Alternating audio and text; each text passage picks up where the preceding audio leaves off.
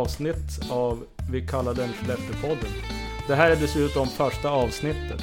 En helt ny podd som... Eh, det är lite svårt att säga exakt vad det kommer handla om det första avsnittet men... Vi, vi bjuder in gäster. Mitt namn är Petter Ershag och det är jag som har startat podden. Och vid min sida har jag en sidekick, eller opposition kanske man kan kalla det. Leif Landén Ershag, hej! Hej! Hur känns det att sitta här då? Det ska bli väldigt intressant. Du vart ju som inbjuden lite helt apropå. Vart du överraskad? Ja, det måste jag ändå säga att det är. Det är ju väldigt, eh, väldigt långt ifrån varandra politiskt. Själva så. Alltså de som har oss på Facebook, de har sett oss bråka. Och ja, egentligen så... Nu ska jag lyfta in kvällens gäst här. Vi har väl inte riktigt bråkat, men vi är ju inte från samma partier. Eh, och vi har en riktigt rolig, intressant gäst här. En riktig pamp kan man väl säga. Och från och med en månad tillbaka är han även kommunfullmäktiges ordförande. Hej Daniel Odin! Tjenare! Socialdemokrat kanske man ska säga. Ja, för tydlighetens skull. Känns det bra för dig att sitta här då? Ja, det kändes bra till alldeles nyss när jag får veta att det är liksom första avsnittet. Liksom, jag kommer sätta tonen för alltihop. Jag känner ju ett djupt ansvar. Ja, det sa jag aldrig till dig. Nej. Nej, men... Ja, men alltså vi kan ju säga så här att vi hoppas att det här blir det sämsta avsnittet någonsin. Och sen blir allting bara bättre och bättre. På ett villkor att jag då får komma tillbaka någon gång i framtiden. Ja, du kanske får det. Ja, vad gör vi då här? Vi ska prata lite grann om att vara politiker och vem som blir det och kanske möta Daniel Odin eh, lite mer personligt. Du är känd som kunnig och att kunna tända till ordentligt om det behövs. Känns det som en rimlig beskrivning? Ja, det kan man väl säga. Jag förstår att det kan framstå så. Men jag tycker samtidigt är ju så att jag har ju fått lite grann av den rollen också. Kunnig, ja i och för sig. Jag har varit med länge så därför. Men även det här med att tända till att eh, jag har väl kanske fått den rollen lite grann. Att ibland så känner jag att nu måste, nu måste det hända någonting. Nu måste någon gå upp och styra upp eller någon säga som det är. För att det, och då, då klart, då, då kan jag väl låta ganska bestämd. Få den rollen eller vara den personen. Ja men det, det är ju så. Alltså, för mig så är jag ju van, uppväxt med ganska starka känslor som ni kanske då känner igen eftersom ni brukar diskutera mycket på Facebook och sådär. Att, ja. att i min familj så var det oftast väldigt högljudda diskussioner. Men det behövde ju aldrig innebära att man egentligen var ovänner utan det var ju liksom att det var verkligen att man skulle, man stod för sin rätt på något vis. Man argumenterade för sin sak. Och det spelar ingen roll om man hade fel för man fortsatte ju ändå. Ja, det där känner jag. Eller nej, jag känner inte igen att vi har pratar om det särskilt mycket i familjen. För i min uppväxt så var det ju inte så. Alltså pappa har ju varit eh, politiskt engagerad i många år, men inte så att han tog hem det. Så att jag engagerar mig ju långt senare. Alltså, vi, mina föräldrar var ju Ja, de var väl aktiva socialdemokrater typ. Men aldrig särskilt jätteaktiva. De var väl mera på medlemsbasis egentligen. Ingen av dem var förtroendevalda eller sådär. Men eh, däremot så Min farsa var ju väldigt stark socialdemokrat Och min farfar var väldigt stark centerpartist. Och det här var ju då i början på 80-talet Med Torbjörn Fälldin som statsminister. Så att det, det gick ganska höga diskussioner hemma hos farmor och farfar ibland. Så att det är väl Det är kanske där också en del har Men då har formats. du det här med att diskutera du är ganska bekväm med det. Ja, jag brukar säga att om man inte tar ordet så, i min familj, då fick man det aldrig. Ja, men det jag tänkte lite grann på det är det här med att i vissa... Vissa personer, de gillar inte att diskutera alls för att de kan uppleva det som en konflikt, det man själv upplever som ett... Nästan mer som ett samtal. Ja, men det, det, det är väl sådär, alltså det är väl en av de saker som jag ofta har reflekterat över att jag har i olika sammanhang träffat på då politiska motståndare tillsammans med andra. Och vi har ju haft en ganska eh, tuff jargong med varandra och liksom kunnat vara ganska gliriga och men vi har ju båda alla sett det på ett skämtsamt sätt. Men folk runt omkring liksom tänker åh vad fan händer nu? Nu, nu, nu, nu blir det bråk liksom. Men eh, det är ju det där att vi är van att pröva våra åsikter mot sådana som tycker helt annorlunda. Och liksom, vi har ju fått lära oss det att det behöver inte innebära att det är en konflikt. Utan det är helt enkelt, vi har olika åsikt. Men det är intressant det du säger det här med pröva sina åsikter för att det är lite det man gör och särskilt på Facebook. Och jag menar Leif, du och jag har diskuterat mycket och det är ju du som tränar mig. Alltså du har satt mig på plats flera gånger, jag vet inte om jag Kanske, jag erkände en gång. det kan man säga. Och, det, jag minns inte vad det var. Jag, det var någon sajt jag tänkte att det där är någon vänsterextrem skit. Men det var inte riktigt så. Magasinet Paragraf kanske det var? Det kan vara de. Eller var det X? Nej vad heter de? Inte Expo. Det var de här... Äh, skit i det. Men man slipar ju sina argument och blir ju duktigare.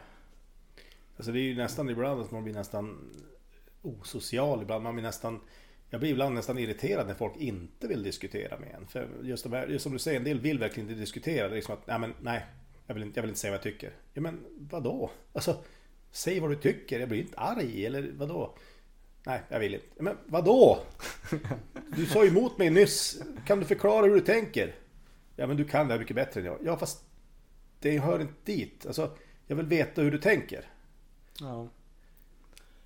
Men du är ju proffspolitiker. Alltså, Proffs och ja. nej men alltså det måste man väl ändå säga. Du... Nu följer vi inte riktigt manus här, men det. Nej men alltså, jag måste fråga dig. Hur, du jobbar också? Ja, jag jobbar 80% som lärare. 80% det är ganska mycket. Du har fullt upp. Jo, det kan man säga. Det, det, och det är ju, tyvärr är det så. Det är väldigt svårt att få det att funka. Och även när jag var fritidsnämndsordförande så var ju det på 30% så då fick jag jobba Nu vart jag 70. nästan imponerad här. För att det jag känner ibland är att det är svårt att hänga med i alla frågor för att man också har ett jobb att sköta. Men att du jobbar 80% ja, det är ganska bra gjort. ja det, det, det är ju tufft. Det är ju som alla som, jag tror alla som jobbar på flera ställen känner igen sig. Att man alltid är lite grann på fel ställe. Det, man måste vara på två ställen samtidigt ibland. Man måste välja vars man lägger kraften. Och det blir, man känner alltid att det är någonting bättre man kunde ha gjort. Man kunde ha gjort mer där eller mer där. Och det, det är ju jobbigt, det är det. Dessutom är du pappa idag och det brukar sänka prestationen. Så kä- kände då jag i alla fall. Ja, det, det är också, det har ju också varit en utmaning i sig. För jag menar, jag var, jag var ju 40... Ja, vad var jag? jag får se, jag är 47 nu. Jag var 43 när jag blev pappa. Ja, det är lite äldre än... Och eh, det är klart att jag hade ju varit ungkarl i princip i över 40 år så att säga. Jag hade ju levt själv i, bott själv i 25 år innan liksom fick en sambo. Jaha. Så att jag kan ju säga att det, det är ju en, en viss prövning i det här att, att faktiskt att hinna med. För man är van att kunna göra allt alltid. Och så händer grejer och så blir det svårare och svårare. Det är klart att det, är- det är en anpassning. Du hann nästan bli gammal här. Ja, det är gamgosse. Det var på god väg faktiskt. Jag, jag hade nästan ställt in mig på det. Men du vet, det var det här, de sa, folk sa alltid det att Ja men du, en dag händer det, plötsligt händer det. Du, det och jag tänkte vilka fjantar. Och så plötsligt händer det. Och de hade rätt de där jäklarna. Alltså det, det är hemskt. Ja, för den här gången gör det väl inget att erkänna. Nej men det, det känns bara så fel att de ska få rätt. Det romantiska bjäfset och så ja. Där sitter man. Ja, romantik. Jag sitter själv här på min frus födelsedag. Ja, Just det. Och det är min syster. Ja. Sitter, alltså din syster, ni sitter båda här på hennes födelsedag. Ja, men jag hade ändå inte uppvaktat henne. det har vi passerat.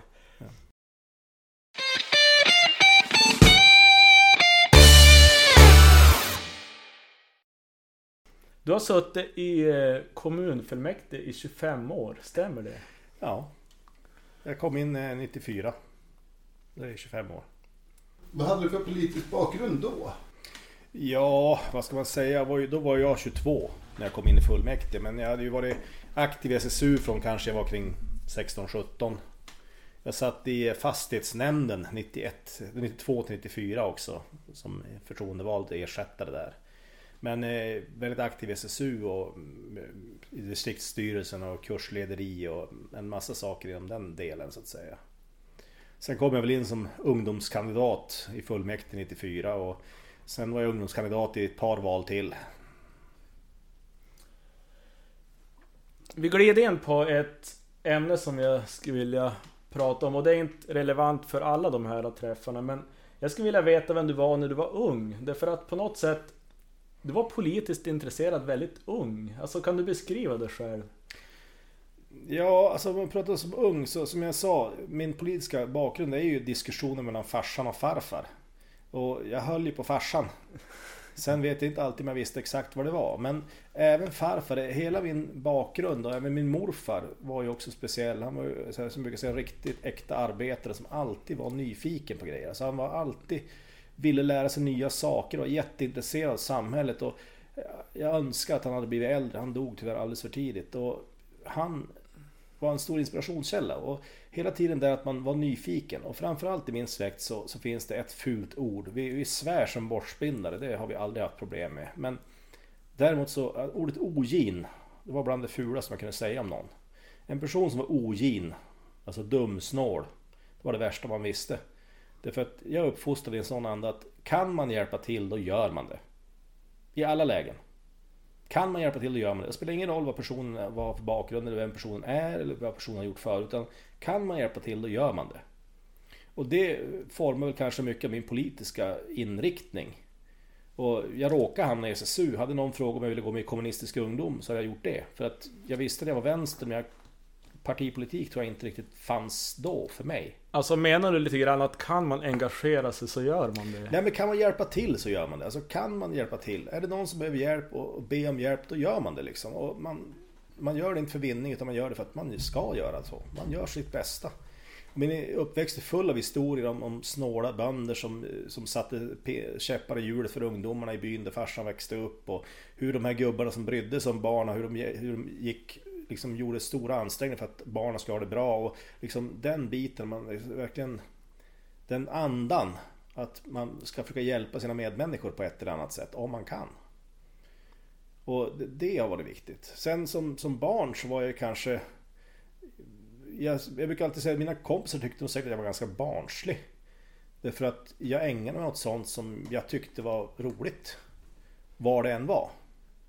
Och de gjorde det säkert också men jag hymlade inte med det. Alltså jag fick mycket glidningar för att jag tyckte om att bygga med lego även i högstadiet. Och då var det absolut inte coolt att bygga med lego på högstadiet. Vi har fler politiker som ja. gillar det. Jo absolut. Men för mig var det så att det var ju, jag skämdes inte för det för att jag visste att jag tycker om det här. Och jag, snökojen, jag, även i gymnasieålder smög jag ut på kvällarna för att bygga snökojor. För det fick man ju absolut inte göra när man var i gymnasieålder. Men jag tyckte det var roligt.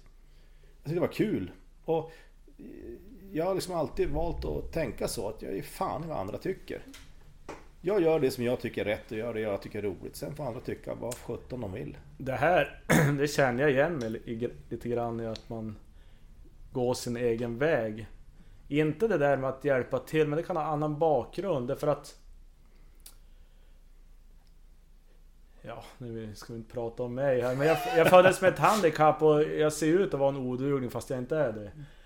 Och det kan ha påverkat lite grann, jag vet inte. Jag hade inga stora krav att hjälpa till hemma, men jag har ju blivit en arbetande man i alla fall. Ja. Ja men det, så, så är det ju. Alltså utseende är ju faktiskt fortfarande en stor diskriminerande... Alltså första intrycket man ger människor är ganska betydande. Och det har jag också fått reflektera över i vuxen ålder för att jag har alltid varit lite överviktig till exempel. Och det har ju aldrig varit, det är ju alltid, det är helt okej okay att diskriminera människor med övervikt. Man får höra massor med goda råd om hur man kan motionera och hur man kan äta rätt och allting sånt där. Och hålla koll på det ena och det tredje. Och jag har alltid varit en väldigt fysisk person. Jag har alltid varit väldigt aktiv. Jag cyklade och jobbade som brevbärare och sprang i trappor hela dagarna. Jag har tränat, jag har promenerat, jag har motionerat. Och jag leder spinning två gånger i veckan. Men ändå får jag veta på vårdcentralen att jag kanske borde tänka på att motionera mer. Bara utifrån hur jag ser ut. Alltså kokar du inombords? Nej, jag är så otroligt van. Så man kände att de här personerna, de vill väl. De vill väl. De, de, men det blir, man känner bara att inte nu igen. Och jag kan tänka mig att det kan vara lite grann så Nej, för dig också. Nej, jag tycker att, det är helt att... annat för mig. Folk är så vansinnigt rädda för att ställa den minsta lilla fråga. Jo, jag menar inte, inte det utan snarare att de dömer kanske dig utifrån ditt utseende. Som du säger att folk trodde att du var en oduglig till exempel. Och det är ju sådär att jag tror att människor, vad som vill eller inte, man har en inställning till saker, man tror att det är på ett visst sätt. Ja, men det handlar en del om personlighet också för själv har jag aldrig varit mottaglig för det. Jag har inte Jag har inte uppfattat... Ja, det är klart jag uppfattat någon gång. Men det, det har aldrig stoppat mig. Utan jag gör det jag vill. Folk kan tycka det ser konstigt ut från början men... Jo, men jag säger, av människor som inte känner får du säkert folk som funderar. Ja. Men det, det är som borta idag. Det är för att... Jag har ju ändå ett företag och jag, vissa vet vad jag gör. Ganska många här. Och... Då vet ju folk att jag kan det jag gör. Det, det, är ingen nyhet. Gör du fortfarande det du tycker är roligt? Ja, nu har jag familj så... Nej men alltså lite grann. Alltså, jag, jag försöker tänka på det i alla fall. Alltså, det blir ju inte den tid man önskar att man hade till det. det men när, när, jag, när jag köpte hus till exempel. Jag köpte hus själv. Det var innan jag eh, tog ihop det med min nuvarande fru då. Utan jag köpte ju ett hus själv. Just därför att jag ville ha möjligheten att göra sånt jag tyckte om. Så att jag hade ett, ett, jag köpte ett hus med ett sovrum. Ett lekrum. Där jag hade en bäddsoffa och tv-spel, Nintendo 8-bitars. Alla serietidningar. Jag har ju gigantiskt med serietidningar. Och det var ett lekrum, en stor skön fåtölj. Det var som lekrummet. Sen hade jag ett kontorsrum. Nere i källaren så hade jag ett spelrum där jag har musikinstrument och högtalare och grejer. Så man kunde liksom repa med ett band nere i källaren. Med syntrummor och grejer och sådär. Så att jag, jag köpte mitt hus för att kunna leva på det sätt jag tyckte var roligt. Kunna bjuda över grabbarna och spela musik tillsammans och kul eller sätta och spela tv-spel eller sådär. Det, det var som så jag såg mitt liv att det ska, det ska vara trevligt.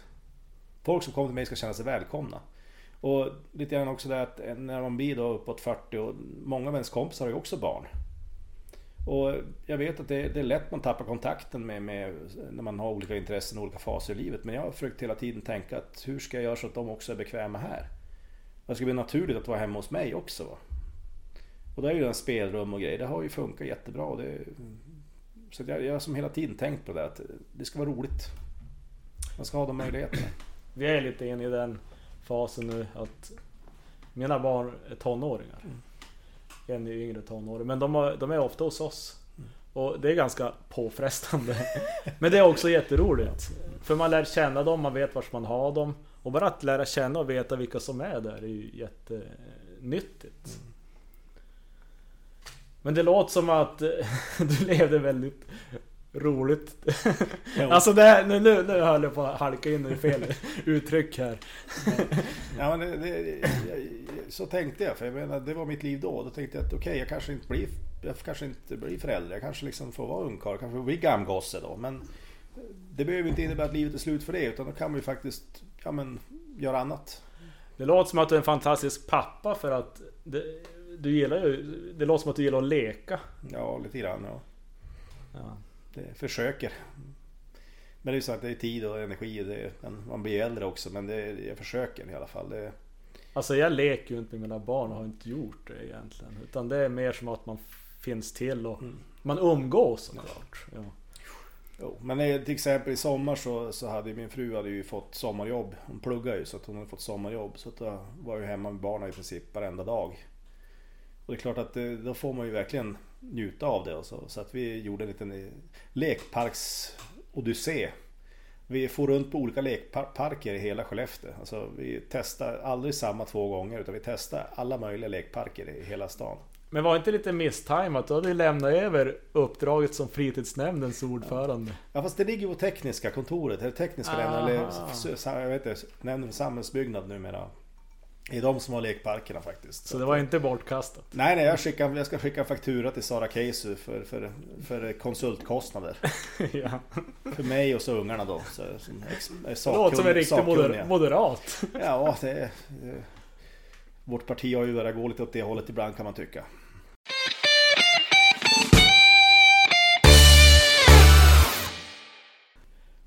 Jag har sett dig på bild i kommunfullmäktige med långt hår och bakåtvänd keps. Jajamän.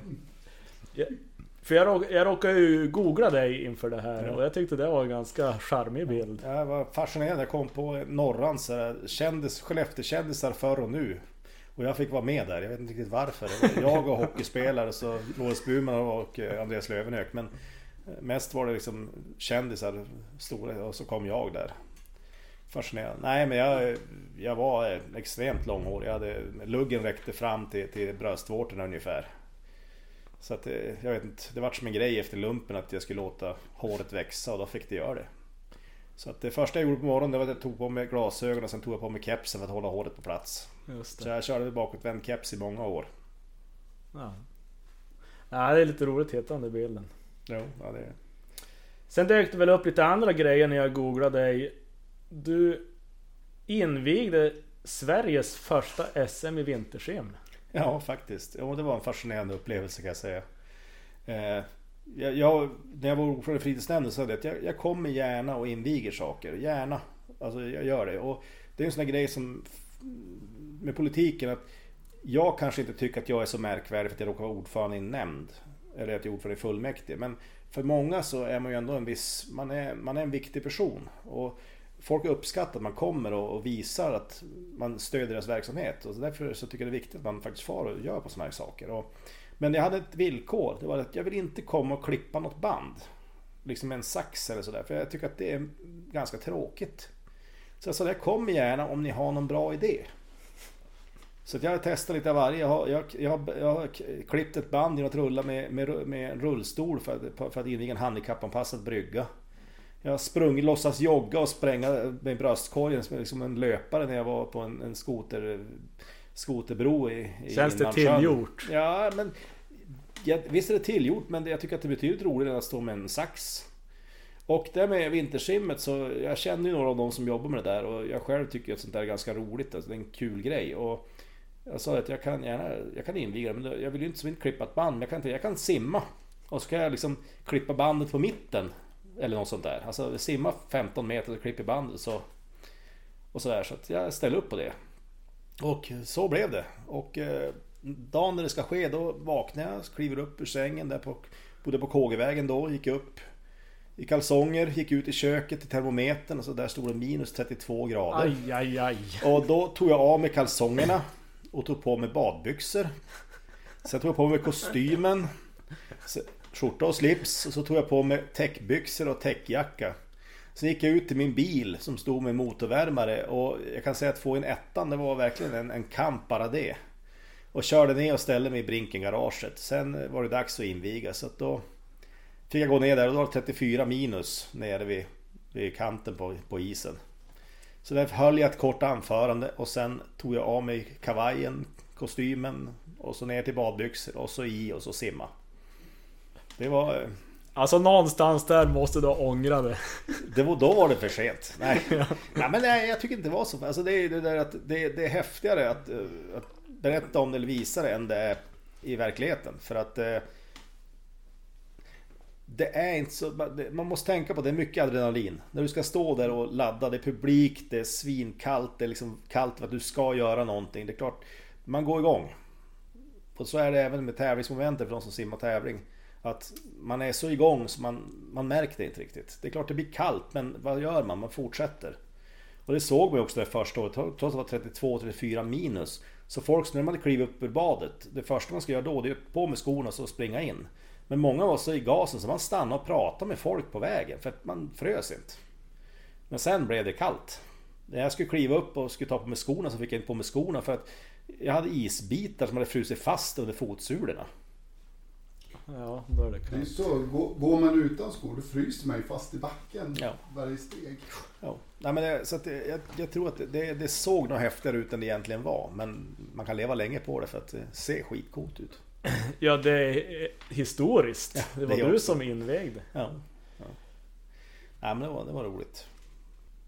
Om man eh, googlar vidare så hittar jag lite grann, lite ledare. Nationalismen går i klo med rasismen. Det är en. Att ogilla EU är ingen ursäkt för röstskolk. Du läxar upp kommunens befolkning. Ja, det, det är som sagt min roll.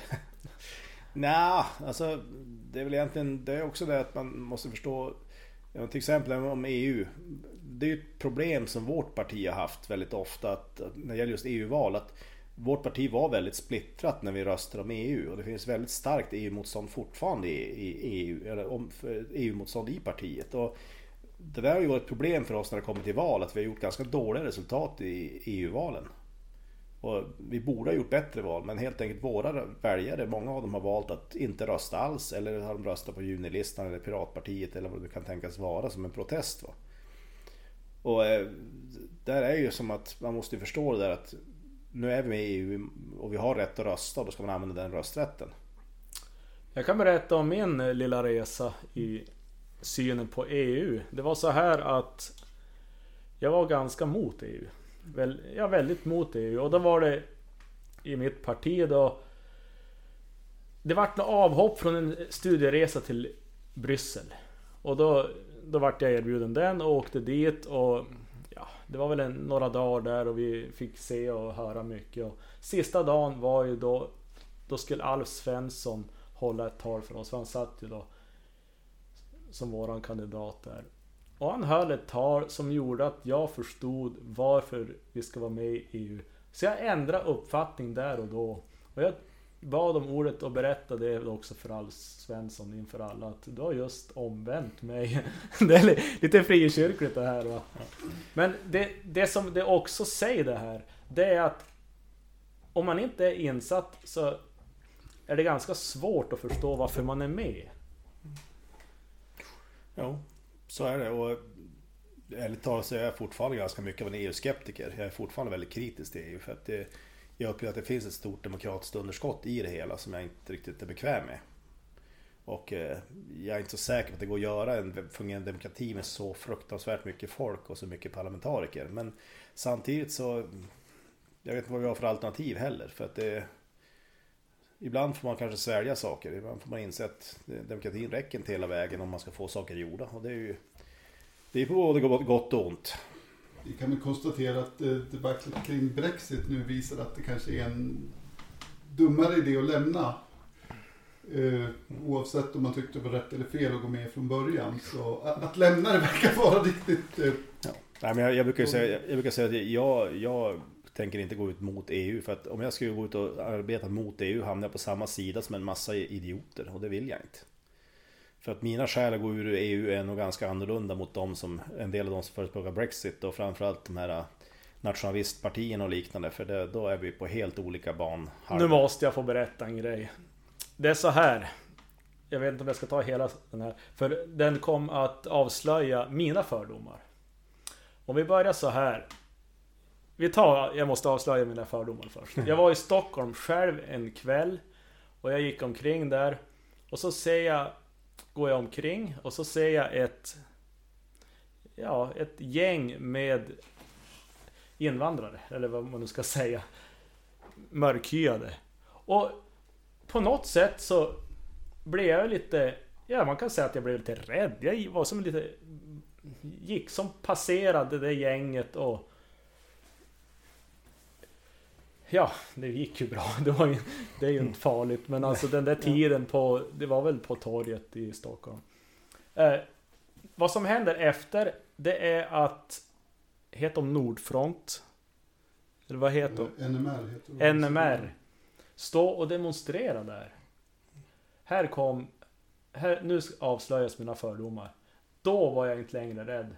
Då gick jag rätt fram till dem och ställde kritiska frågor till dem. Varför var jag rädd för den ena och inte den andra? Det är mina fördomar. Ja, skit i det.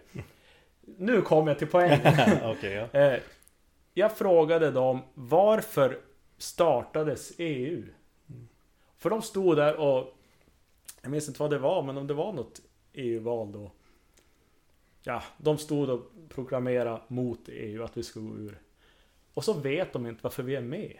De kan inte historien stål och korvunionen och vad egentligen bakomliggande syftet i det är. Och, och för egentligen politik om det. Och det är kanske de du inte vill stå med. Nej men precis, alltså det, det är så. För jag menar, mina, mina synpunkter på EU har ju inte med deras grundmål att göra egentligen. Utan det har ju med, med demokrati och det, ett demokratiskt underskott som jag ser. Och det är ju en helt annan sak. Jag vill ju ha mer demokrati, inte mindre som de ibland tycks vilja ha. Ja. Nej, inte bara tycks. Det är rakt ut i deras princip. Mm. I den politik de för. Så att, och det är ju därför det är nationalismen, den andra debattartikeln, nationalismen går klo i klo med rasismen. Det är ju det, är ju det att jag personligt har otroligt svårt för nationalism. Inte för att jag inte tycker om Sverige eller sådär och jag har inget emot patriotism, att man liksom tycker om att stå för sitt land. Men just nationalism, det, det är återigen, människor vet inte vad begreppet står för. Nationalism betyder ju i grunden att man strävar efter nationalstater. Tanken att ett land ska bygga på gemensamma principer, gemensamma värderingar, gemensam kultur och gemensamt språk och gemensam religion. Och det är en exkluderande ideologi. Och därför är den jättefarlig, för den säger vilka som är rätt och vilka som är fel i ett land. Vilka kulturer är rätt som är rätt och vilka traditioner som är rätt och fel. Och jag är livrädd för den typen av, av ideologi. Och därför så ser jag att det, jag är lite oroad nu när det kommer folk som säger att nej men jag är inte rasist, jag är nationalist. Ja fast i nationalismen så finns rasismen inbyggd. Det är en del av det. För när du säger vilka som är rätt och vilka som är fel i ett land, då är du illa ute.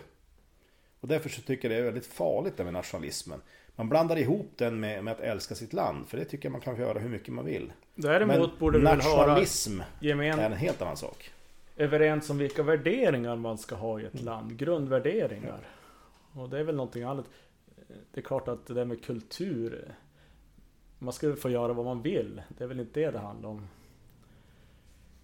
Men värderingarna, och där kan det ju skilja sig mellan olika kulturer. Ja, absolut. Och... Kan man ha nationalistiska... Vara nationalism om värderingar? Ja, alltså du kan ju, du kan ju stå för att vi gemensamma värderingar vi har i det här landet kan vi absolut tycka. Men våra värderingar är ju inte strikt svenska värderingar. Vi har ju ändrat oss under århundradena hela tiden. Sånt som var fullkomligt naturliga värderingar bara för 20 år sedan är det ju inte idag. Så att även värderingar skiftar ju ständigt. Men om man börjar liksom säga att det finns en rätt värdering och inte kan ändra på den, då, då, då kan man hamna ganska illa till ibland. Sen finns det vissa grundläggande värden som vi absolut kan vara överens om. Men jag tror att vi måste vara medvetna om att när det gäller kultur och traditioner och värderingar och sånt så är ju det faktiskt ett flytande spektra. Det, det är inte en absolut gräns för det ena eller det andra. Och ibland går det åt bättre hållet, ibland går det åt sämre hållet. Och jag tycker att det där är... Man får vara väldigt vaksam på det. Jag tror ju att våra värderingar, eller min åsikt, eller nu vet jag inte hur jag ska uttrycka mig. Våra värderingar är starkt präglade av kristnandet av Europa.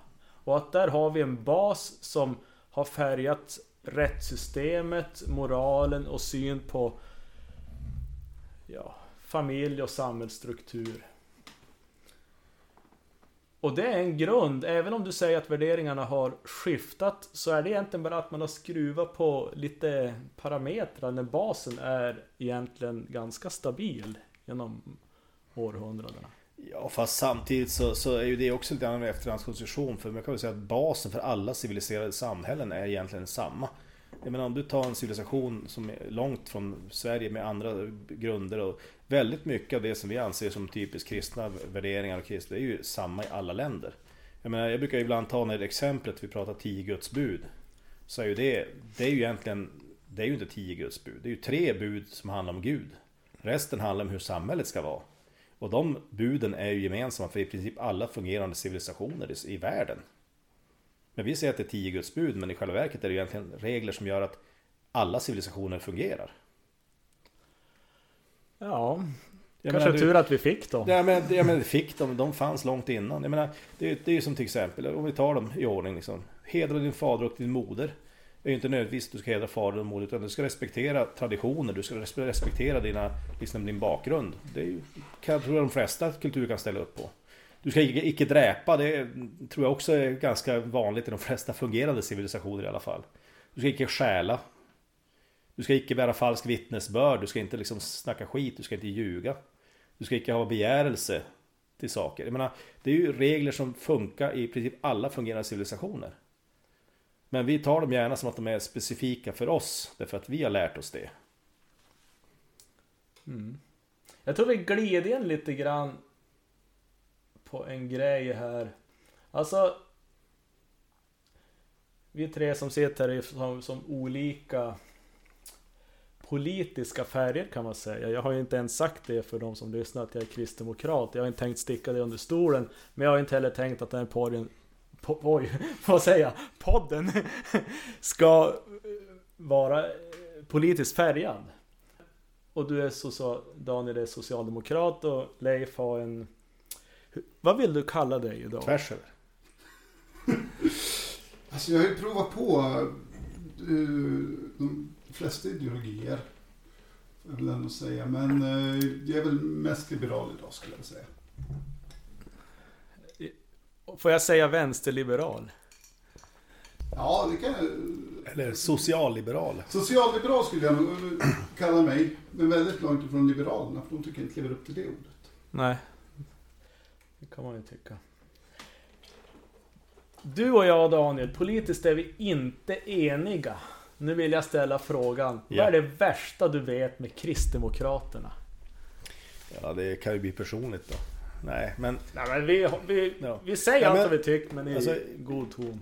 jag har väldigt svårt, och framför, alltså det beror på vad man säger. Alltså, jag tycker att det blir svårare och svårare att tycka om Kristdemokraterna nu med den inriktning man har och den partiledare man har. För jag tycker att man går åt väldigt, väldigt fel håll. Men jag har alltid haft en, en stor fundering hur man som kristen överhuvudtaget kan vara borgerlig. För, och jag ställde faktiskt frågan till Alf Svensson en gång i ett tv-program.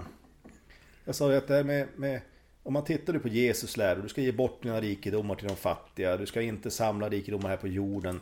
Och den barmhärtiga samariten, skulle han ha lagt ut på anbud eller? För jag menar, hur kan man vara för privat sjukvård med tanke på den barmhärtiga samariten och Jesus läror och sådär? Och jag får inte riktigt ihop det, för att jag, även om jag inte, jag brukar säga att jag är ateist rent utav. Och, men samtidigt, jag är väldigt beläst, jag har läst väldigt mycket kring religion och framförallt kristendom. Och jag får inte riktigt ihop det. Och därför tycker jag det blir ett problem med just Kristdemokraterna. För jag, jag minns ju fortfarande KDS, Kristdemokratisk samling, så att eh, den kristdelen är ju ganska levande för mig i i det partiet. Men jag får inte riktigt ihop det. För det stämmer inte med min bild av kristendomen. Ibland har ju Kristdemokraternas kallats för, I vissa sammanhang har det kallats för Borgerlig vänster.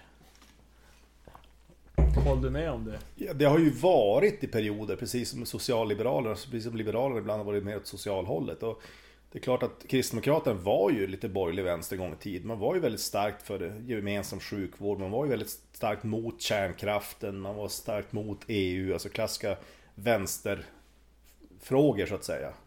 Men i, idag vet jag inte om jag riktigt ser det. Nej. Jag har inte tänkt debattera emot dig här idag. Men vad är, vad är det värsta, vad är det värsta Socialdemokraterna du, enligt dig då? Ja, egentligen tycker jag att ni förstår inte, eller förstår inte, nu pratar jag med ett politikerproffs här. Jag tycker att ni har fel uppfattning om vissa skattesänkningar som ni har varit emot. Och ibland när man hör hur ni debatterar om att vi, vi sänker skatten, då förlorar vi de här pengarna. Och för jag, jag vill slänga in en brasklapp här, om du kanske har märkt att Kristdemokraterna skriker inte längre om något hemskt mycket skattesänkningar. Och det finns en orsak till det. Och det jag vill säga här är att under tider, om vi nu backar ja, några år tillbaka och hur det har sett ut, så om arbetslösheten är det som belastar ekonomiska eh, intäkterna i skatteintäkter, då är en skattesänkning en åtgärd som kan ha som kan ge plus i kassan. Om det hjälper arbetsmarknaden att skapa nya jobb, vi pratar om ROT och RUT och skattelättnader för företagare. Om det gör att fler kommer i jobb, då kan det vara plus och inte bara den här minusposten som jag tycker ni socialdemokrater ser. Däremot så skriker inte vi så mycket nu om skattesänkningar och det tror jag beror på att det är egentligen inte arbetslösheten som är problemet utan idag är det andra kostnadsposter som, som belastar samhället. Vi har demografin och vi har haft en invandring som kostar lite grann idag. Och, och det är lite andra lösningar som man... Men, men samtidigt så måste vi också säga det att, att den, den borgerliga skattesänkarpolitiken är ju inte heller så, så matematiskt korrekt som, som du, Jag vet ju exemplet känner du till, att sänka skatter skapar fler företag. Och så kan det absolut vara i vissa ekonomiska teorier. Men inte ens den är ju faktiskt klockren och framförallt så har man ju medvetet brutit mot den principen. Därför att det är ideologiskt att sänka skatter. Det, det finns ingen, inget vettigt argument för det. Om vi tar exemplet man gjorde då, den borgerliga regeringen. När man sänkte momsen för restaurangbesök. För att man skulle skapa nya jobb. Och teorin är ju bra. Problemet är ju att alla som redan jobbar inom hotell och restaurangbranschen. De fortsätter ju jobba. Men de får ju också samma skattesänkning. Vilket innebar att de här jobben man eventuellt skapade vart ju fruktansvärt dyra. De kostar ju flera hundratusen per person. Som av de här nya jobben skapades. Och, så att ibland är det ju faktiskt så att skatter sänks inte bara för att åstadkomma en, en förbättring i förlängningen. Ibland görs det också av rent ideologiska skäl. Och så kan det också vara med skatter. Men värnskatten är ju en sån här skatt som den ger nästan inga pengar. Men den har ett starkt symbolvärde. Därför kan man genomföra den även om man vet att den är ganska meningslös. Men man gör det av politiska skäl för att vi vill visa att de som betalar mest ska betala mer skatt.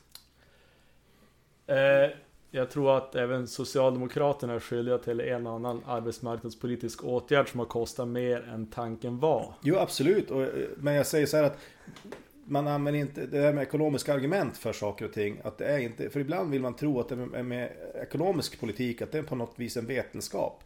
Men det är faktiskt precis lika politiskt som all annan politik. För det, politiker agerar inte alltid så rationellt som de ekonomiska teorierna gör. Och folk gör det absolut inte.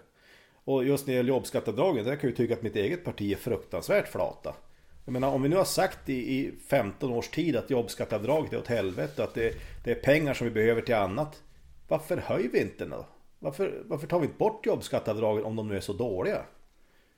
Därför att Riksrevisionen säger att det ger ett plus. Ja, det gör de inte heller. Men, men däremot kan vi konstatera att den går ju rakt emot vår ideologi. Jag menar, skatt mm. efter bärkraft är ju grunden i en socialistisk grundtanke. Det är egentligen, det är egentligen grunden av vår skattepolitik sedan Gustav Vasas tid. Man kollar hur stora gårdarna var för att se vilken skattekraft de hade. Så att skatt efter bärkraft är ju som en, tycker jag, en väldigt bärande princip i ett civiliserat samhälle. Det vi gör nu med jobbskatteavdraget, det är ju pengar till de som har jobb och, vi, och de som är sjuka, arbetslösa och pensionärer, de ska betala högre skatt. Det går ju rakt emot de principer vi har byggt upp hela skattesystemet på. Men det är politiskt snyggt och det ger pengar till de som garanterat går rösta.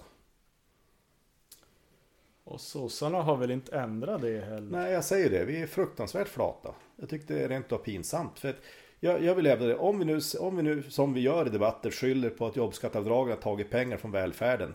Ja men höj då, ta bort Man dem får då. ju uppfattningen att sossarna egentligen ville ha det så, men de ville Tyckte det var bra att det var någon annan som genomförde det. Ja, man kan nästan tro det va. Ja. Jag har, eh, jag har fört den frågan många gånger och kommer att fortsätta föra den frågan. För jag tycker att det här är otroligt dåligt, rent av. Jag måste också fylla i.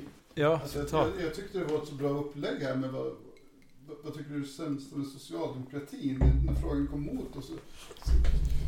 Justitieministrarna vill jag ju bara svara. Ja. Utveckla. Nej men eh, eh, det som har hänt under de eh, socialdemokratiska regeringarna med FRA-lagen och IPRED-lagen och så som jag personligen eh, var lite nytändning i min politiska eh, gärning som gjorde att jag gick med i Du är nog mer kunnig än alla här inne och alla lyssnare om vad det där innebär. Uh, FRA-lagen var ju, uh, det var 2008 va? Ja, jag tror det var länge sedan. Men... Ja.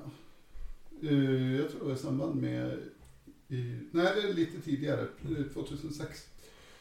Uh, som då innebar att uh, Försvarets radioanstalt fick eh, rätt att tappa in i all elektronisk trafik som passerade Sveriges gräns. uppenbarligen för att de ska komma åt rysk trafik men eh, det innebär även att de kommer åt all svensk eh, trafik. Och en organisation som på grund av det arbete de utför inte kan vara särskilt öppna med vad de har och vad de gör med den data mm. de har. Och uh, IPRED-lagen var eh, uh, piratkopieringslagen som kom som gav betydligt större befogenheter för att uh, komma åt uh, bland annat fildelar. Mm.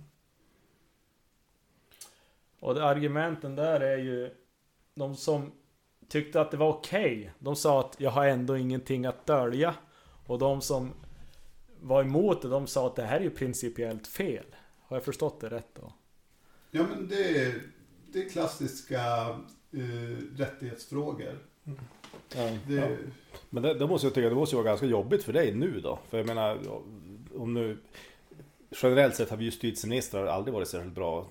De har ju det roll de har. Jag menar, jag tycker att man löser allting genom att ropa på hårdare straff, då har man inte förstått någonting. Men det är väl kanske rollen justitieministrar får ta. Man ska framstå som man är stark mot kriminalitet. Men jag menar, det måste vara ganska jobbigt för en gammal piratpartist att se den utveckling vi har idag. För jag menar, jag störs över all kameraövervakning. Att vi ska ha mer och mer kameraövervakning överallt. Att liksom vi, vi är så otrygga så att vi är beredda att ge upp vår liksom, frihet genom att tillåta fler och fler kameror som håller koll på oss vad vi än gör. Och jag tycker att det är lite större. Jag, tänker, jag ibland brukar tänka tanken om en sosseregering hade försökt de här grejerna för säg 15 år sedan. Då hade vi ju fått liksom, då hade ju hela oppositionen skrikit Stasi. Alltså man hade ju varit så förbannad på sossarna och försökte liksom hålla koll på befolkningen.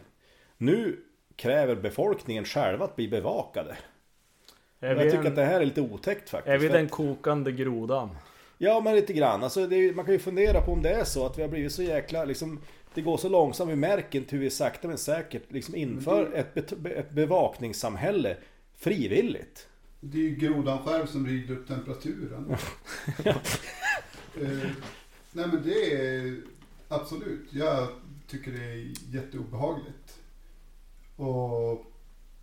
Eh, För det var, det var också en debattartikel jag hade skrivit. Övervakning gör oss inte säkrare, det gör oss mer övervakade. Mm. Mer övervakning gör oss inte säkrare, det gör oss mer övervakade. För det är ju det, det, är det i slutändan. Och jag tycker, den utvecklingen tycker jag är väldigt allvarlig. Mm. Det är därför jag satt här och nu syns inte det i podden men jag satt och himlade med ögonen när ni pratar ekonomi fram och tillbaka. För jag tycker att det är så små procentuella skillnader mellan partierna mm. Eh, som ni företräder. Medan de stora rättighetsfrågorna, ja, det, det känns som de har inte varit stora på agendan sedan 50-60-talet. Mm. Ja, men eh, det är ju överhuvudtaget så, så jag tror att för mig, som jag, jag tycker att demokrati är väldigt viktig och övervakning är ett problem för demokratin faktiskt. Och, men det är ju samma sak där, vi, vi hittar ju fler varianter där man ifrågasätter till exempel lagen om anställningsskydd. Alltså jag, jag tycker att det är en bra lag på många sätt. Men kanske inte på det sätt som många tror. Utan för mig är ju lagen om anställningsskydd, många ser det som att ja, men det är så att man inte får sparken, det är ett bra sätt att få anställningstrygghet och det är det och det är jättebra på så sätt.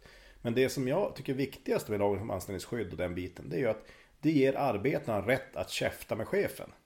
Man har rätt att ifrågasätta, man kan ta diskussioner utan att vara rädd för att det ska få konsekvenser. Och jag är ju rädd för att minskad arbetsrätt kommer att göra att, att arbetarna blir mer utsatta. Man, blir, man vågar inte föra sin mening på samma sätt längre. Och det, det är ju så lite grann i samhället och där kan man ju se samma problem med den så kallade åsiktskorridoren. Jag tycker vi ska kunna diskutera saker väldigt fritt. Och jag tycker inte att det är så illa som en del andra vill göra. Men det är klart att när man bör undvika olika ämnen, bör undvika saker därför man är rädd för konsekvenserna, det är ett problem för demokratin. LAS kan ju ha en låsande effekt. Där en person som börjar ha känningar i olika kroppsdelar fortsätter med arbetet till kroppen slutar fungera och blir sjukpensionär långt innan det skulle vara nödvändigt. Och, och det skapar en låsning i arbetsmarknaden som inte heller är bra. Men det är bara en... Jo, men det är klart, alltså det är ju som med det mesta, det finns för och nackdelar. Ja. Men jag säger så här att det är det som också, jag menar, jag brukar ta det i mitt parti ibland, att många, för oss är ju LAS ganska heligt på något vis. Det är väldigt stark, framförallt från den fackliga rörelsen. Men det jag försöker förklara för dem är att ni måste ju förstå att den här med LAS är inte lika självklart längre som det var förr. Därför att många av de yngre som jag känner, för de har inte LAS varit en trygghetslagstiftning, utan det har varit en gräns för när du blir anställd. Man blir inlasad. Alltså LAS har varit liksom gränsen för när du får ett jobb på riktigt. Jag har varit med på ett företag som var tvungen varsla. Mm. Och då var det, det var en verkstad och det var, jag minns inte hur många som var anställda, säg att det var 30-40 personer. Och som bestod av unga Riktigt duktiga arbetsföra personer och så fanns det ett gäng som var äldre som har jobbat på verkstad länge och förmodligen kanske var slitna. Och vad som händer när det ska varslas och LAS slå in, det är att alla unga försvinner. De gamla blir kvar som... Och jag vill inte säga att det här, något alternativ, motsatt alternativ vore rätt. Men det blev ett problem för företaget. Att de förlorar precis de som var verkligen drivande och ville och jobba hårt. De försvann i företaget. Ja. Samtidigt så om man pratar med fack och arbetsgivare så det är ju sällan man inte blir överens.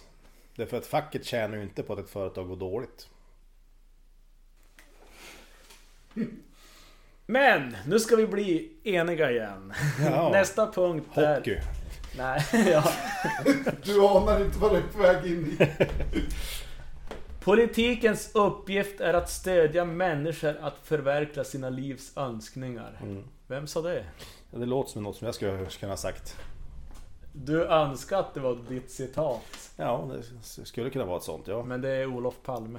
Jo, jag har haft någonting liknande faktiskt. Eh, när, jag, när man ska ha någon valkampanj, man ska säga så här att nu ska du säga någonting vad du tycker, en kort så. Då har jag valt någonting liknande variant faktiskt.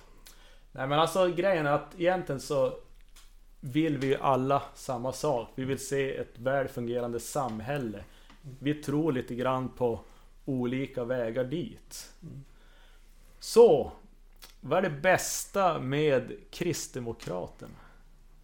Det var en väldigt svår fråga. Jag vet faktiskt inte säkert. Jag, som jag säger, just nu har jag lite svårt för Sverigedemokraterna, framförallt på riksnivå om man säger det så. Eller eh, Kristdemokraterna på nationell nivå just nu. För att jag tycker att det, jag tycker inte om den utveckling jag ser. Men jag vet att tidigare i mitt liv och även i lokalpolitiken och så där så har jag ändå upplevt att en fördel med Kristdemokraterna att de är lite, lite tråkiga. Att de, det är att de har någon form av grund... Man står för en grundläggande värdering som jag ändå känner en ganska stor dos av hedlighet i. Och man har en liten eftertänksam ton ibland som jag tycker är ganska nyttig i politiken. Så att det, jag får säga att det är väl kanske en av de saker med Kristdemokraterna som jag tycker är bra. Att man har den här jordnära förnuftigheten ibland.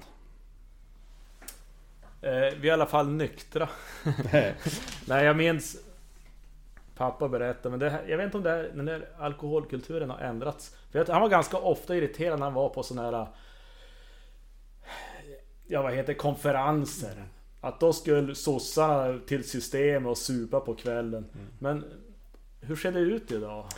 Ja, alltså herregud. Med tanke på de konferenser man är på så böjer man sig ett järn ibland. Men, men, men det där har ju, det där, det det, jag tror inte det ser ut likadant längre. Men jag vet ju att inom fackföreningsrörelsen hade man ju stora problem med just det där. Att eh, många ombudsmän och sådana som jobbade på vägarna var ute och borta från familjen veckovis och höll på. Det är klart det utarbetades en, en, en kultur som inte var nyttig. Och så tror jag det var även inom näringslivet bitvis under den perioden att det var ett sätt att leva.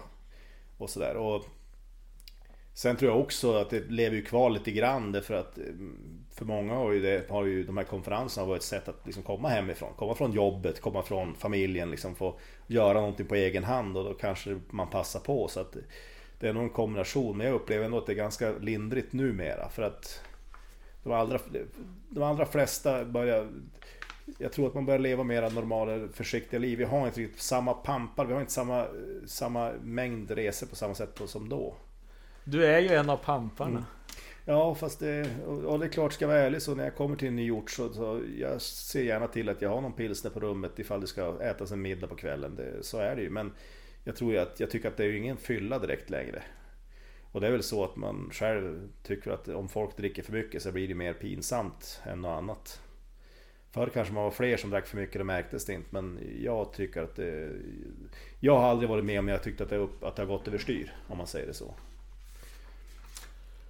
Men det, alltså, samtidigt är det farligt. Alltså, vi, det är bättre nu som jag sa, men jag vet ju att förut till exempel inom riksdagen och sånt där. Det är klart att det, det vart mycket alkohol för att de var borta från familjen hela veckorna.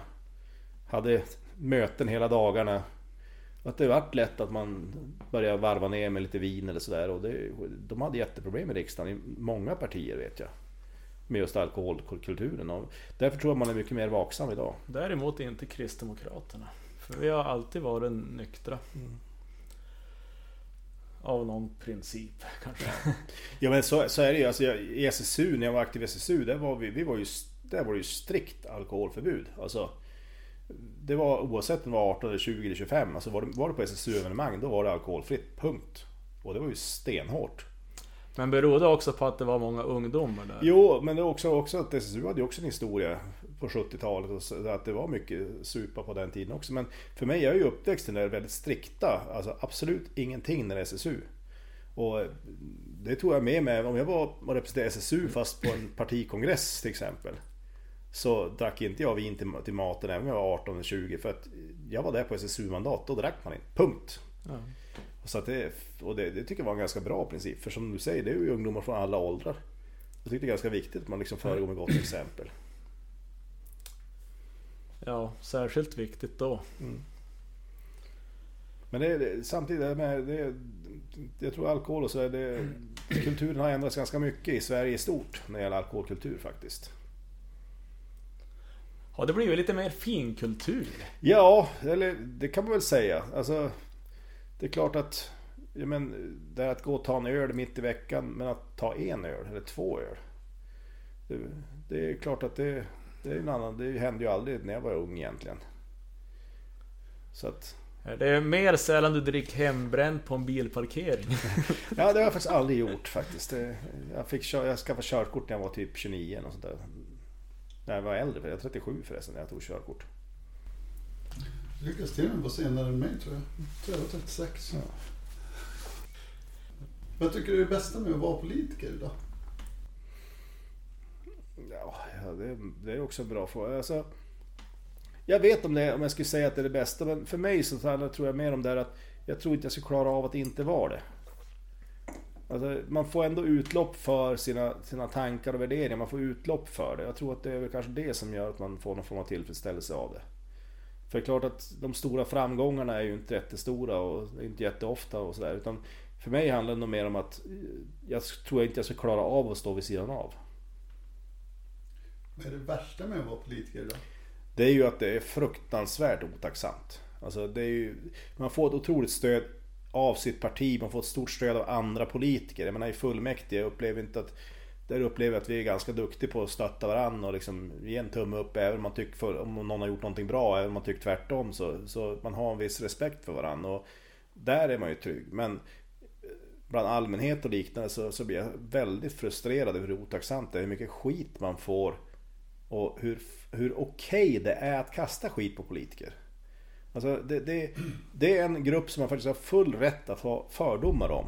Ohejdat. Och det märks.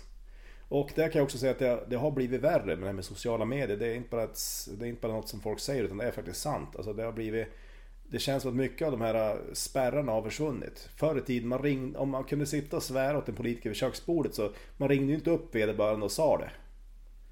Idag är det väldigt lätt att gå ut och kommentera och, och skriva nästan vad fan som helst och komma undan med det. Och det kan jag tycka är, det är bland det jobbigare. Men det är också lite därför jag startade den här podden. För att...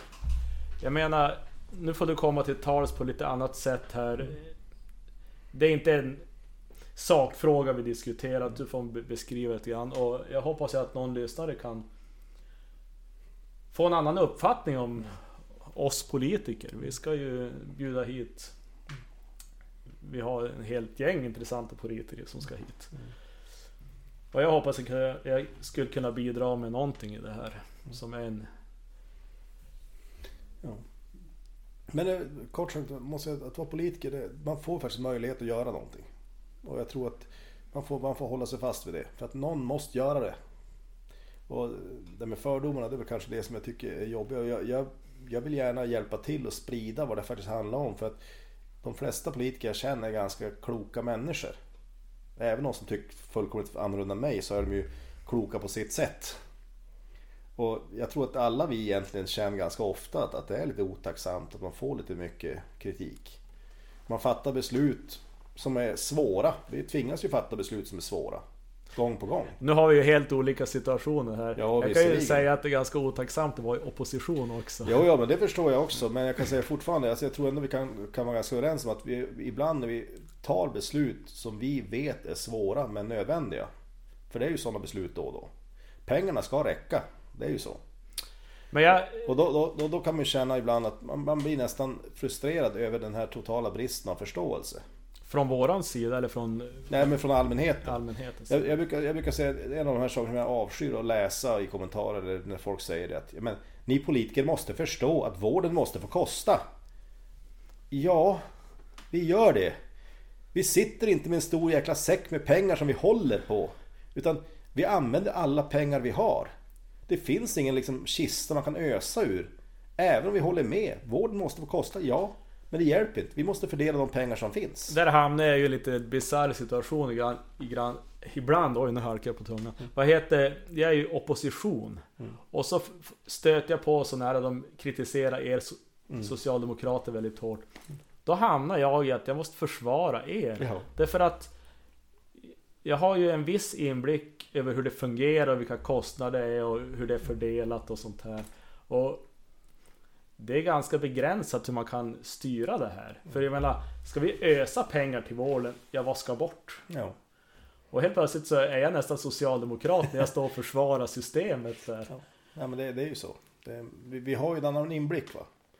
Vi förstår liksom konsekvenser. Att man, det, och det är ju det som jag ibland tycker att det är jobbigt att man inte får den förståelsen. För att vi lägger ner ganska mycket tid och energi och inte bara betalt som en del tror. Utan vi lägger väldigt mycket ideell tid på politik och sådär. Men man får inte mycket för det. Nej, så kan det kännas. Ja. Ja. Men det ger ju väldigt mycket intressanta möten också. Jo, ja, det ska ju gudarna veta. Jag brukar säga att jag, jag, jag vet inte vem jag hade varit idag om inte jag hade tagit ett steg in i SSU en gång. För att, jag menar, allt jag fått vara med om i partiet och i olika sammanhang, SSU och allting, det har ju format den jag är idag.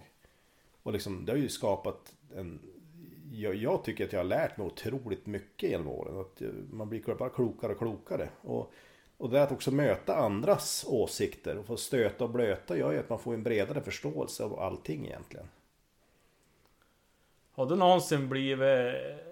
Varit med om något otrevligt? Att bli hotad eller något sånt där?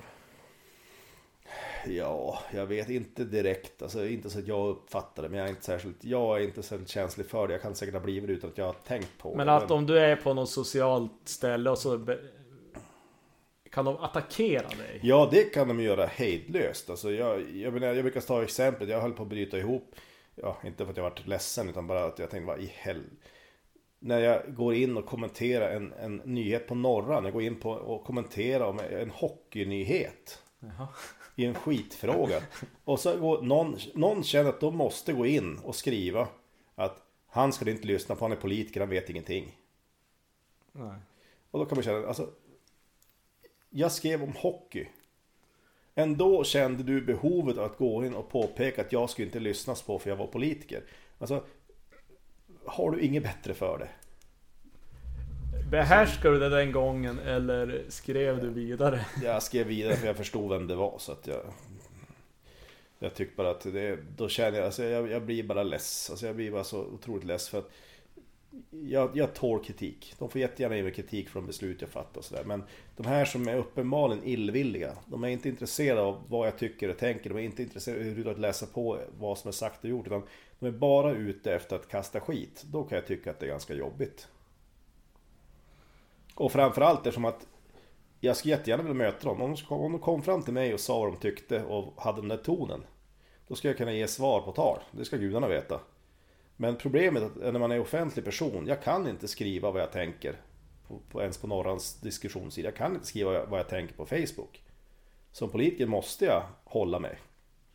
Det kan jag tycka är ganska jobbigt. För jag skulle ibland vilja verkligen Ja, säga vad jag verkligen tyckte om dem. Ändå skriver du lite grann. Jo, jag skriver, jag försöker men jag är väldigt noga med att försöka hålla en god ton. Men det, är- det är svårt ibland. Jag har ju en tes om att eh, politikerföraktet, för att använda det ordet, är någonting som gör att vi i längden får eh, sämre politiker. För många, speciellt de som kanske är människor med mycket sympati och empati, eh, inte klarar av det klimatet som en eh, politiker utsätts för idag. Jag tror, att det, jag, tror att det finns en, jag tror att det finns absolut i det. Och om inte annat så kan vi ju se på att, att antalet aktiva politiker minskar. Och det gör ju också att urvalet blir mindre. Mm. Och jag tror definitivt att det finns många som känner att jag kan så mycket, jag vill göra så mycket gott och då kan jag göra det på annat sätt. För att det, det, det är ju, och det är ju inte bara, det är, det är inte bara i politiken om vi ska vara ärliga. Det är ju egentligen, om vi ser på hela styrelsesverige, idrott, till och med idrottsföreningar har ju jättesvårt att få aktiva styrelsemedlemmar till exempel. Därför att kraven på och folk, alltså, det ställs krav på folk som ställer upp ideellt och jobbar ideellt och gör det för föreningens bästa. Måste också vara beredda att försvara det de gör. Till medlemmar som inte gör ett skit. Det är klart att det, det drabbar ju egentligen hela, det drabbar ju hela Sverige. Personer som liksom sticker ut hakan och försöker göra någonting.